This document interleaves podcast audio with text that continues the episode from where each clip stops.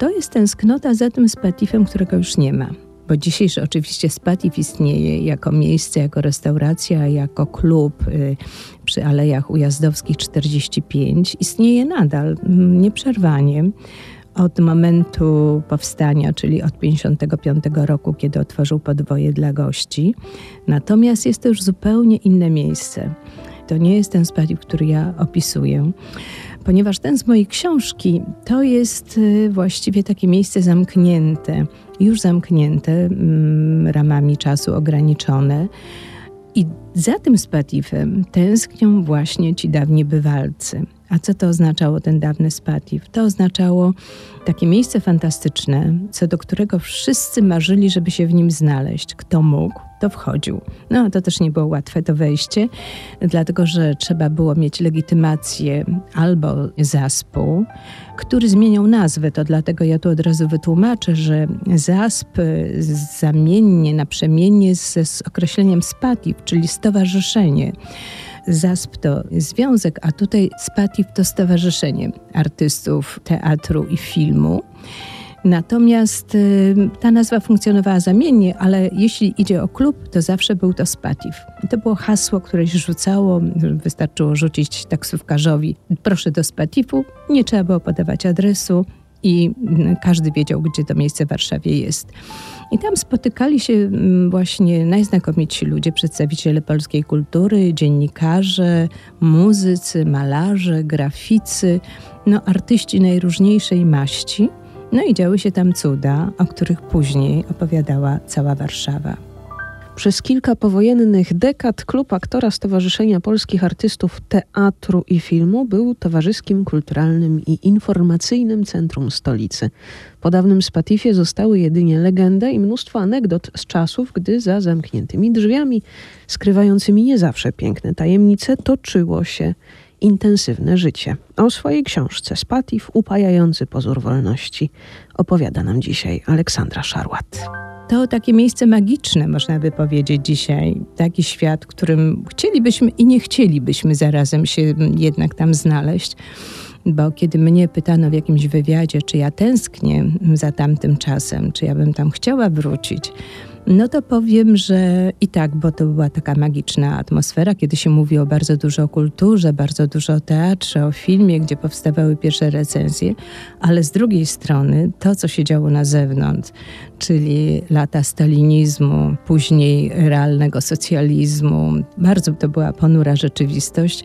Całe szczęście, że mamy to za sobą. Zatem wyobraźmy sobie mhm. benefis mhm. z Patifu. Mhm. Kogo zapraszamy na ten mhm. benefis? Kto mhm. powinien się tam pojawić? Aha. E, no cóż, e, to zależy, jaki, gdzie ten benefis miałby się odbywać. Czy w naszej wyobraźni, bo wtedy, jeżeli byłby to benefis naszej wyobraźni, no to zaprosiłybyśmy posiadaczy, tak zwanych posiadaczy, trzech głównych stolików w Spatifie, czyli mm, Janusza Minkiewicza, Józefa Prutkowskiego i Stanisława Wola. No i oczywiście fantastyczne postaci z tamtych czasów, czyli no, byłby Jandrzej Łapicki i byłby Gustaw Holubek i byłaby Kalina Jędrusik i Stanisław Dygat. No, cała masa najwspanialszych postaci, najwspanialszych osobowości polskiej kultury, które w tym Spatifie w czasach jego świetności bywały. Natomiast gdybyśmy taki benefis urządzały, urządzali dzisiaj, no tutaj polecam spis y, osób, którym dziękuję za udzielenie głosu w mojej książce. Na końcu takie podziękowania zamieszczam. No i są to naprawdę wspaniali artyści, a między nimi jest Ewa Wiśniewska, znakomita aktorka, także Emilia Krakowska, fantastyczna postać. Jest Olgierd Łukaszewicz. Moglibyśmy zaprosić też Stefana Friedmana, Wojciecha Solarza, Tadeusza Rolkę, Damiana Damińskiego, który spędził tam swoje pierwsze lata życia.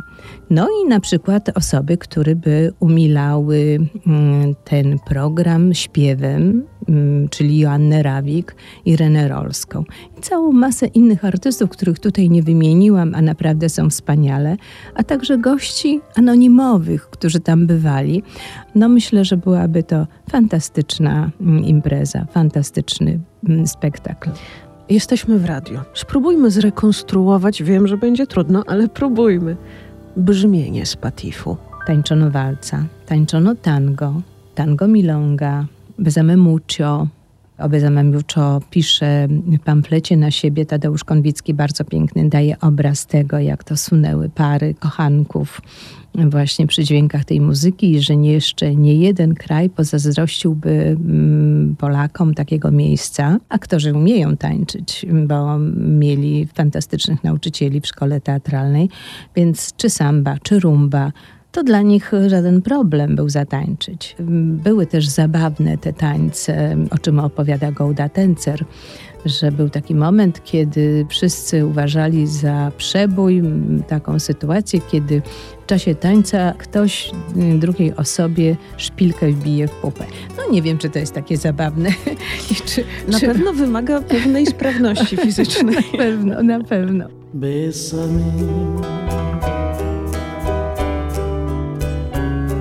Bésame mucho. Como si fuera esta noche la última vez. Bésame, bésame mucho.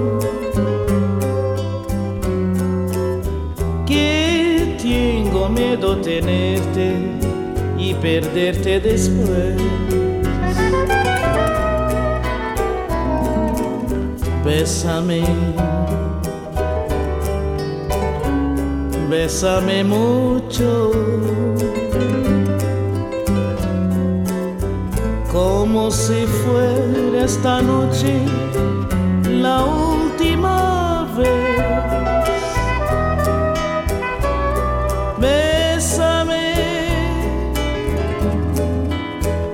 bésame mucho.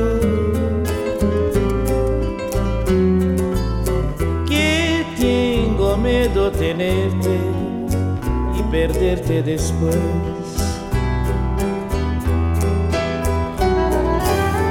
Quiero tenerte muy cerca, mirarme en tus ojos, verte junto a mí que tal vez mañana ya estaré muy lejos, muy lejos de ti. Bésame, bésame mucho. Como si fuera esta noche la última vez.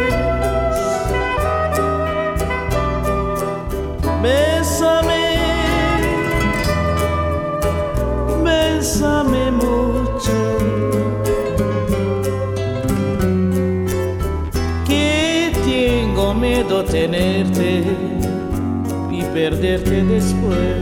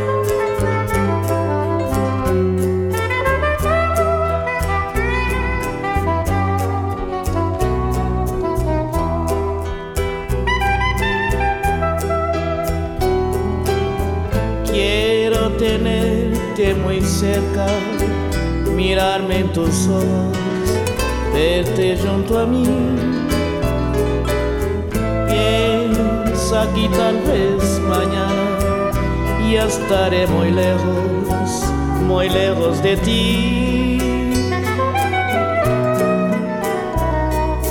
Bésame, bésame mucho. Como si fuera esta noche la última vez. Bésame.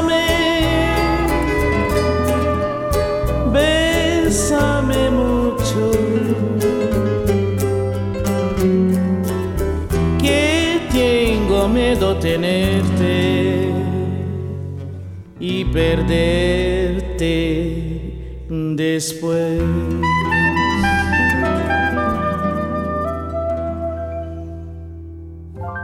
Gdybyśmy miały określać początki Spatifu, można powiedzieć, że Spatif urósł na takiej powojennej bezdomności artystów? Myślę, że tak, że to były lata, no powiedzmy sobie tak, tuż po wojnie artyści wracali, ciągnęli do Warszawy. Ta Warszawa była zrujnowana, nie było miejsca, ludzie nie mieli gdzie mieszkać, wynajmowali jakieś pokoiki, kątem gdzieś mieszkali też nie istniało, to dzisiaj trudno sobie pewnie młodym ludziom wyobrazić, że nie istniało coś takiego jak telefony komórkowe. Nie istniała taka instytucja jak menadżer, jak agent, y, który mógłby załatwiać jakąś pracę, a ludzie ciągnęli do Warszawy, bo tutaj jednak po tych latach powojennych kształtowała się kultura. ZASP działał nieprzerwanie w czasie wojny w podziemiu z przewodniczącym, z prezesem Dobiesławem Damięckim. I tuż po wojnie mm, władze mm, Warszawy i właśnie przedstawiciele, szefowie, mm, prezesi z Patifu, Zaspu dobijali się do władz państwa, do władz też stolicy o to, żeby utworzyć jakieś miejsce, w którym aktorzy mogliby się spotkać, bo ludzie jeszcze poszukiwali bliskich, znajomych z dawnych teatrów, y, z planów filmowych. I wyjednały u władz y, w latach 50., na początku lat 50., miejsce takich spotkań. To był rok 51, kiedy zaczęto robić pierwsze zakupy do pierwszego spatifu. Mówiono na niego mały spatif który mieścił się przy Pankiewicza 2 na rogu ulicy Pankiewicza i Nowogrodzkiej. I to był taki mały lokalik, około mieszczący, jak e, tutaj wspominali bywalcy, około 40 osób w którym początkowo kupiono do niego krzesła, stoły, jeden rower. O. Więc ja się zastanawiałam, tak, ja się zastanawiałam, dla kogo ten rower, czy dla prezesa, czy, czy dla woźnego na przykład. No ale to nie było określone w tych e, archiwalnych dokumentach. I tam właśnie zmierzali aktorzy. Szefową tegoż klubu została Hanka Bielicka. No, znakomita aktorka, świetna osoba, bardzo towarzyska, bardzo rozmowna, kontaktowa, więc tutaj nastrój budowała ona. No i przychodzili właśnie artyści z przedwojennych teatrów, bywał Tadeusz Olsza, pracownicy baletu, opery, pianiści przychodzili tam był to rodzaj takiej giełdy też, giełdy pracy, gdzie ludzie dowiadywali się, gdzie można się zaczepić, w jakim teatrze byłoby miejsce dla nich i wszyscy tam się świetnie bawili, o ile w ogóle można się było bawić w tamtych czasach, no bo jednak to byli ludzie, którzy przeżyli wojnę, którzy się tułali gdzieś po świecie i chcieli koniecznie wrócić do, do swojej wielkiej miłości, czyli do teatru, do gry, do muzyki, do tańca, do śpiewu. To było wszystkim potrzebne. A w tym czasie w Alejach Ujazdowskiej 45 odbywał się remont. Na samym początku wyremontowano tylko parter, przysposobiono go na mieszkanie dla prezesa i y, na początku lat 50. zamieszkał tam Dobiesław Damięcki z żoną, aktorką przedwojenną Ireną Górską oraz synami Maciejem młodszym i starszym Damianem. E, moja pierwsza rozmowa do, dotycząca właśnie Spatifu, tego jak on wyglądał, ale już ten w alejach, odbyła się właśnie z Damianem Damińskim, który mi opowiadał, jak jeździł rowerem pomiędzy salami, w których później właśnie odbywały się bale. Może to był ten rower z pierwszego Spatifu? no nie wiem, może, może wszystko możliwe. I remontowano dwa piętra wyższe, przejęło Ministerstwo Odbudowy na trzy lata. Natomiast na dole właśnie rozgościł się prezes z rodziną. Później, kiedy już y, prezes dostał mieszkanie na Żoliborzu, zaczęto ten spatif już, czyli to miejsce, w którym później odbywały się wszystkie te przyjęcia, zabawy, gry towarzyskie, zaczęto remontować już, żeby przysposobić na cele rozrywkowo, powiedzmy sobie, klubowe. I w 54 roku, pod koniec 54 roku, przeszła część obsługi z Pankiewicza 2, przeszła tutaj e, z szefową Alicją Jarmuszkiewiczową oraz jej zastępcą Władysławem Sidorowskim. I ten Władysław Sidorowski później jest taką postacią bardzo szczególną, znaną. Tutaj wszyscy go wspominają, mm, artyści e, i także mm, tutaj przez zemsty za to, że nie był przez niego wpuszczany z powodu no, nadużywania alkoholu, Himmelsbach nazwał tak swoją postać w rejsie, mszcząc się na, na panu Władysławie. Pan Sidorowski bardzo się identyfikował ze Spatifem, przyniósł tam obrazy ze swojego domu, a miał jakieś bogate mm, zbiory, wieszał je na ścianach. Później został z czasem został kierownikiem tego klubu i bardzo, bardzo o niego dbał. Także ten Spatif otworzył tak naprawdę szeroko swoje podwoje z początkiem 55 roku. I o tym, co działo się już w tej drugiej właściwej siedzibie Spatifu opowiadać będziemy po godzinie 15 w RMF Classic, ale teraz wróćmy do brzmienia tego miejsca, bo przed nami piosenka kabaretu starszych panów. A Portugalczyku Osculatim. To była piosenka o dziewczynie, która wyszła ze Spatifu z obcokrajowcem, a była wtedy moda na obcokrajowców. Dziewczyny bardzo chciały wychodzić za nich za mąż, a potem się okazywało, że to są wielkie rozczarowania, bo cóż z tego, że obcokrajowiec, kiedy on na przykład był młynarzem albo piekarzem, albo kimś bardzo, wykonywał bardzo prozaiczny zawód, w tej piosence jest opisana historia jednej z nich, kiedy ona wyszła z Portugalczykiem Osculati, ale on jednak powiedział, że nie zaplaci. No więc to jest zabawne piosenki właśnie z kabaretu starszych panów też śpiewano. A w RMF Classic zaśpiewają Barbara Rylska, Jeremi Przybora i Jerzy Wasowski.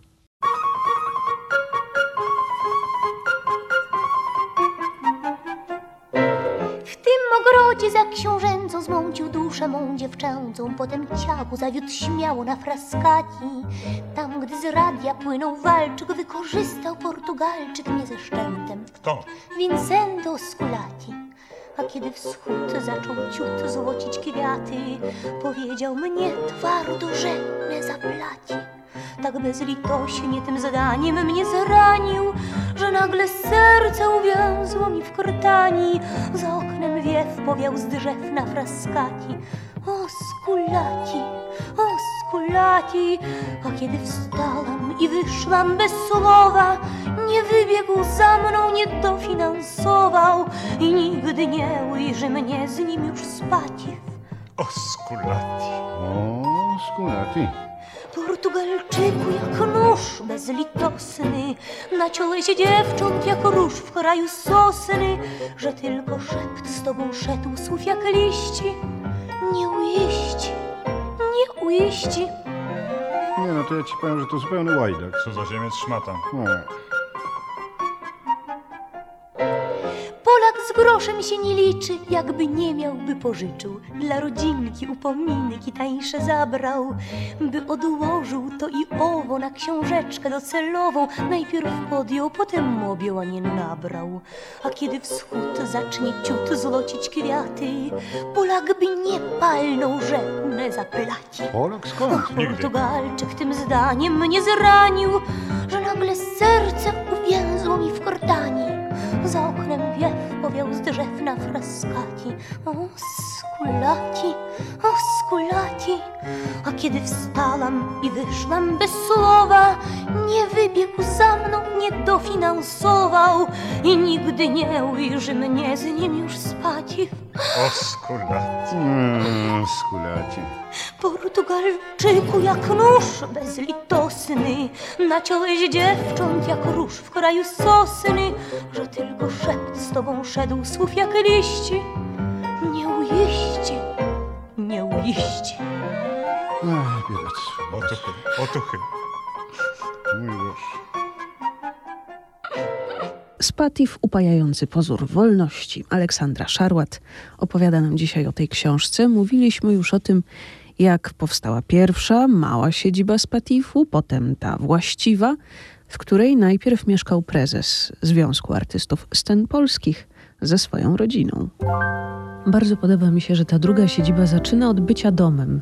Tak, to jest bardzo ważne. Też opowiadała o tym e, Joanna Rawik. Opowiadała, że jak przyjeżdżała do Warszawy, to pierwsza rzecz, jaką robiła, to biegła do Spatifu, ponieważ dla niej to był drugi dom, bo ona wiedziała, że tutaj zawsze spotka znajomych, że wszyscy są dla siebie serdeczni, że się witają, że chcą być razem. I to była ta wielka, wielka radość z bycia razem. Coś, czego nie mamy dzisiaj, choć bardzo byśmy chcieli, ale właśnie jesteśmy takim, teraz staliśmy się takim mm, narodem mm, indywidualistów, samotników, siedzimy sami, bardzo dużo pracujemy, jesteśmy skoncentrowani na pracy, a kiedyś na tej pracy też się koncentrowano, ale oddech dawał im spadł i w takie miejsce, gdzie wszyscy mogli mówić i o kulturze, i o polityce, i o wszystkim, co, co dotyczy ich życia, codzienności.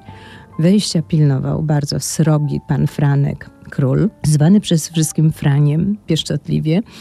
Pan Franek był osobą niezwykle serdeczną dla wszystkich swoich gości, takich zmożonych nadmierną ilością wysokoprocentowych trunków.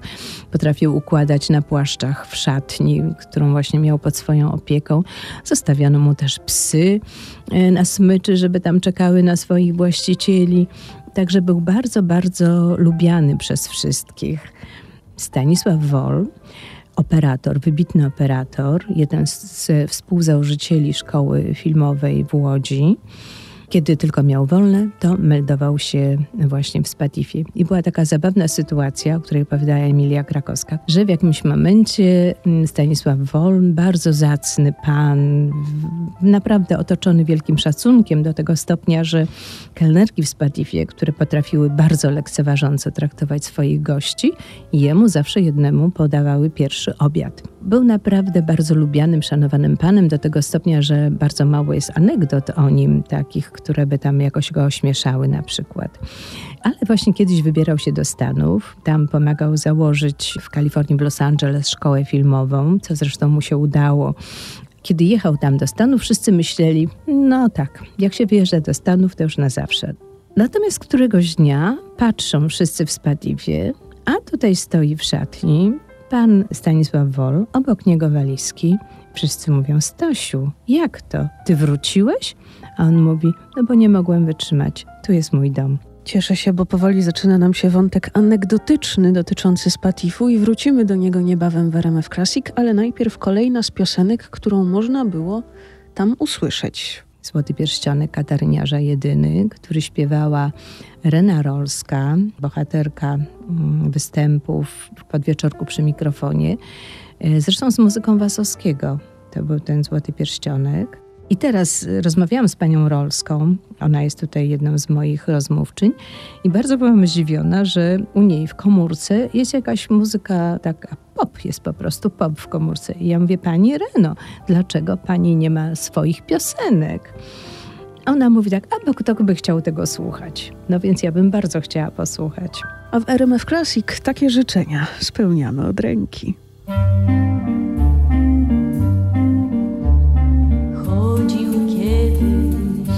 Kataryniarz nosi na plecach słowików chór i papugę ze złotym dziobem i pierścionków sznur.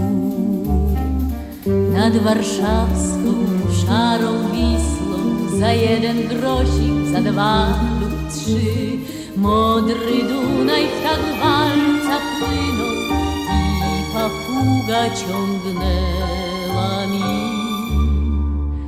Złoty pierścionek, złoty pierścionek na szczęście.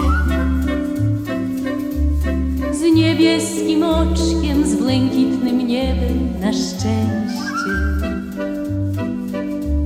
Złoty pierścionek kataryniarza jedyny. Na moje szczęście, na szczęście każdej dziewczyny.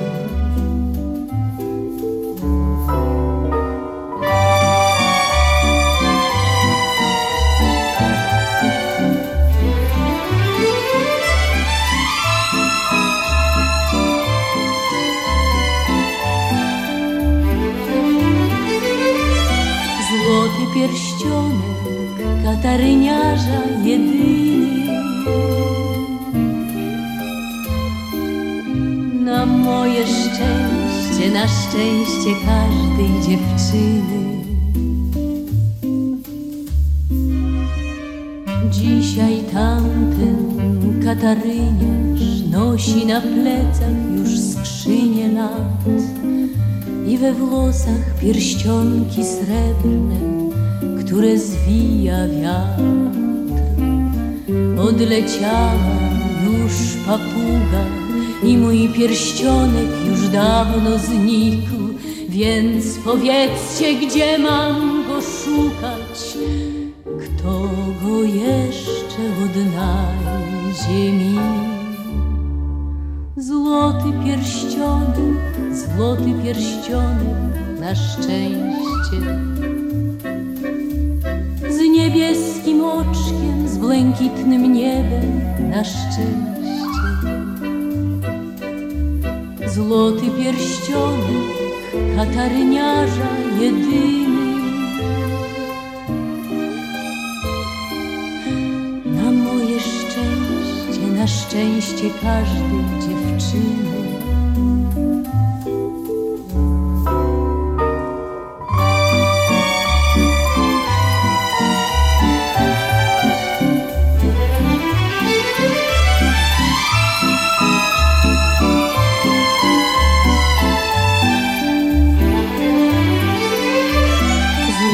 Pierścionek, taki miedziany, dziecinny. Za ten pierścionek oddałabym dziś sto.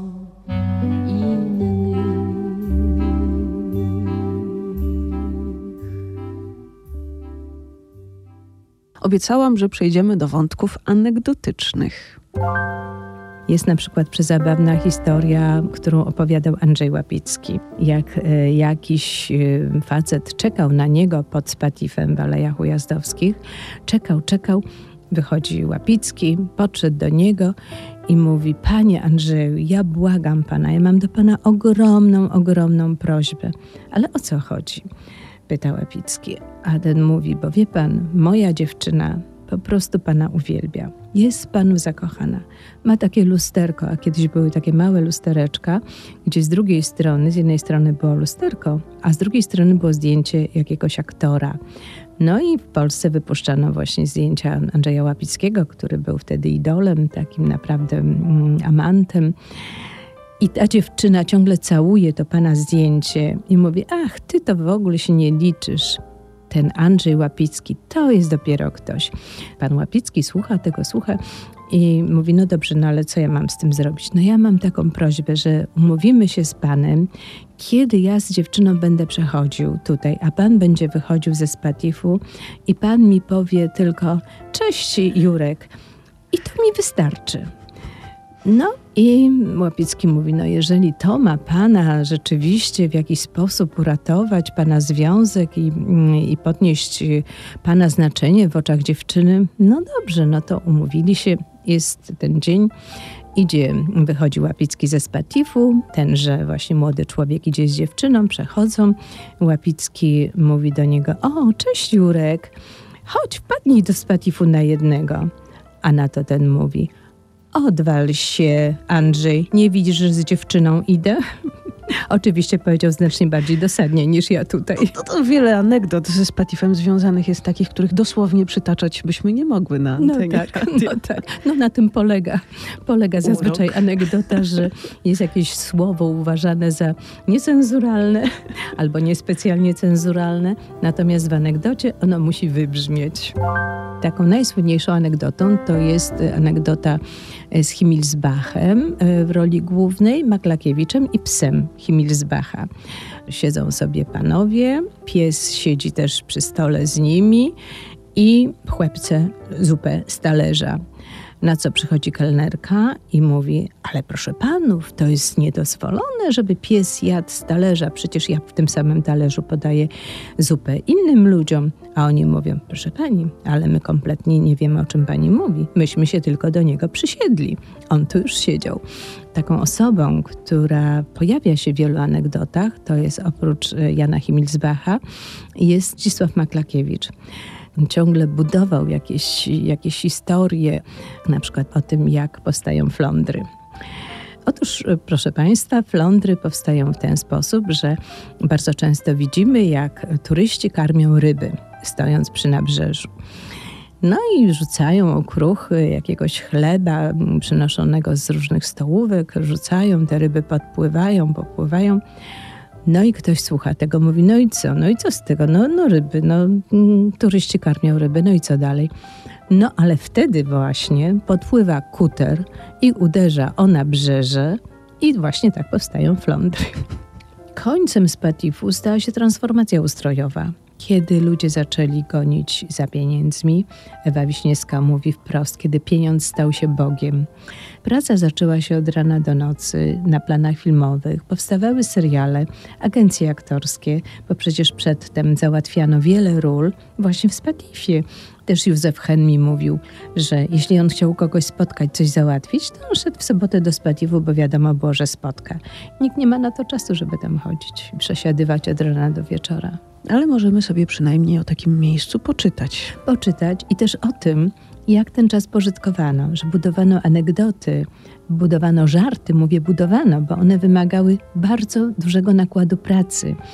Wspomnę tylko na koniec o takiej sytuacji, kiedy Adolf Dymsza miał wspólną garderobę z Tadeuszem Olszą. Stali się obaj sprzed wojny, natomiast nie pałali zbytnią sympatią. Dymszę irytowało bardzo to, że Olsza przychodził jako ostatni. Więc co zrobił Dymsza? Przyszedł rano do teatru z wiaderkiem farby w kolorze burgundu, a ściany były białe w garderobie. Przemalował wszystkie ściany, poprzestawiał me meble, Przychodzi godzina już y, spektaklu, 19. Otwierają się drzwi, wpada Olsza i mówi: O, przepraszam, pomyliłem się.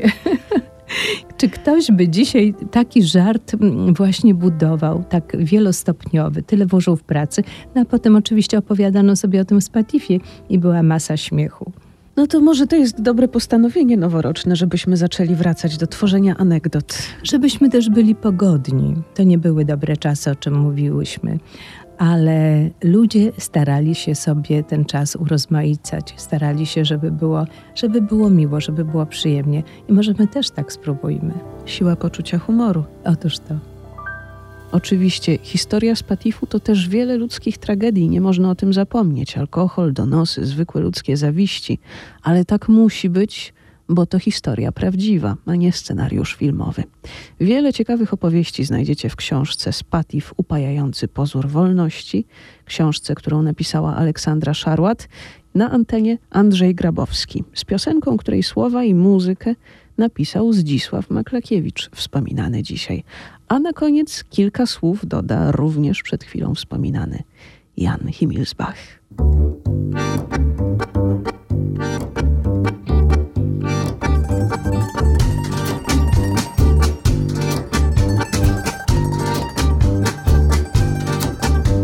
Ci życie ucieka, kochany, to nie goń go. Gdy już tydzień chodzisz jak we śnie, to nie łudź się. Małe diwko, małe diwko z korzeniami wyrośnie ci. Małe piwko, małe piwko z korzeniami zaśpiewa ci. Jeden kiosk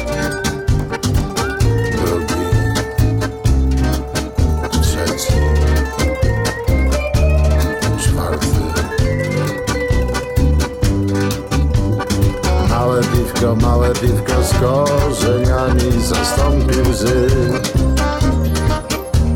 Małe piwko, małe piwko z korzeniami przebaczysz mi. Gdy ci rączki już drżą, mój kochany, to nie bój się. Kiedy toniesz w powietrzu jak rybka, pamiętaj, że Małe piwko, małe piwko z korzeniami zastąpi łzy Małe piwko, małe piwko z korzeniami przepatrzysz mi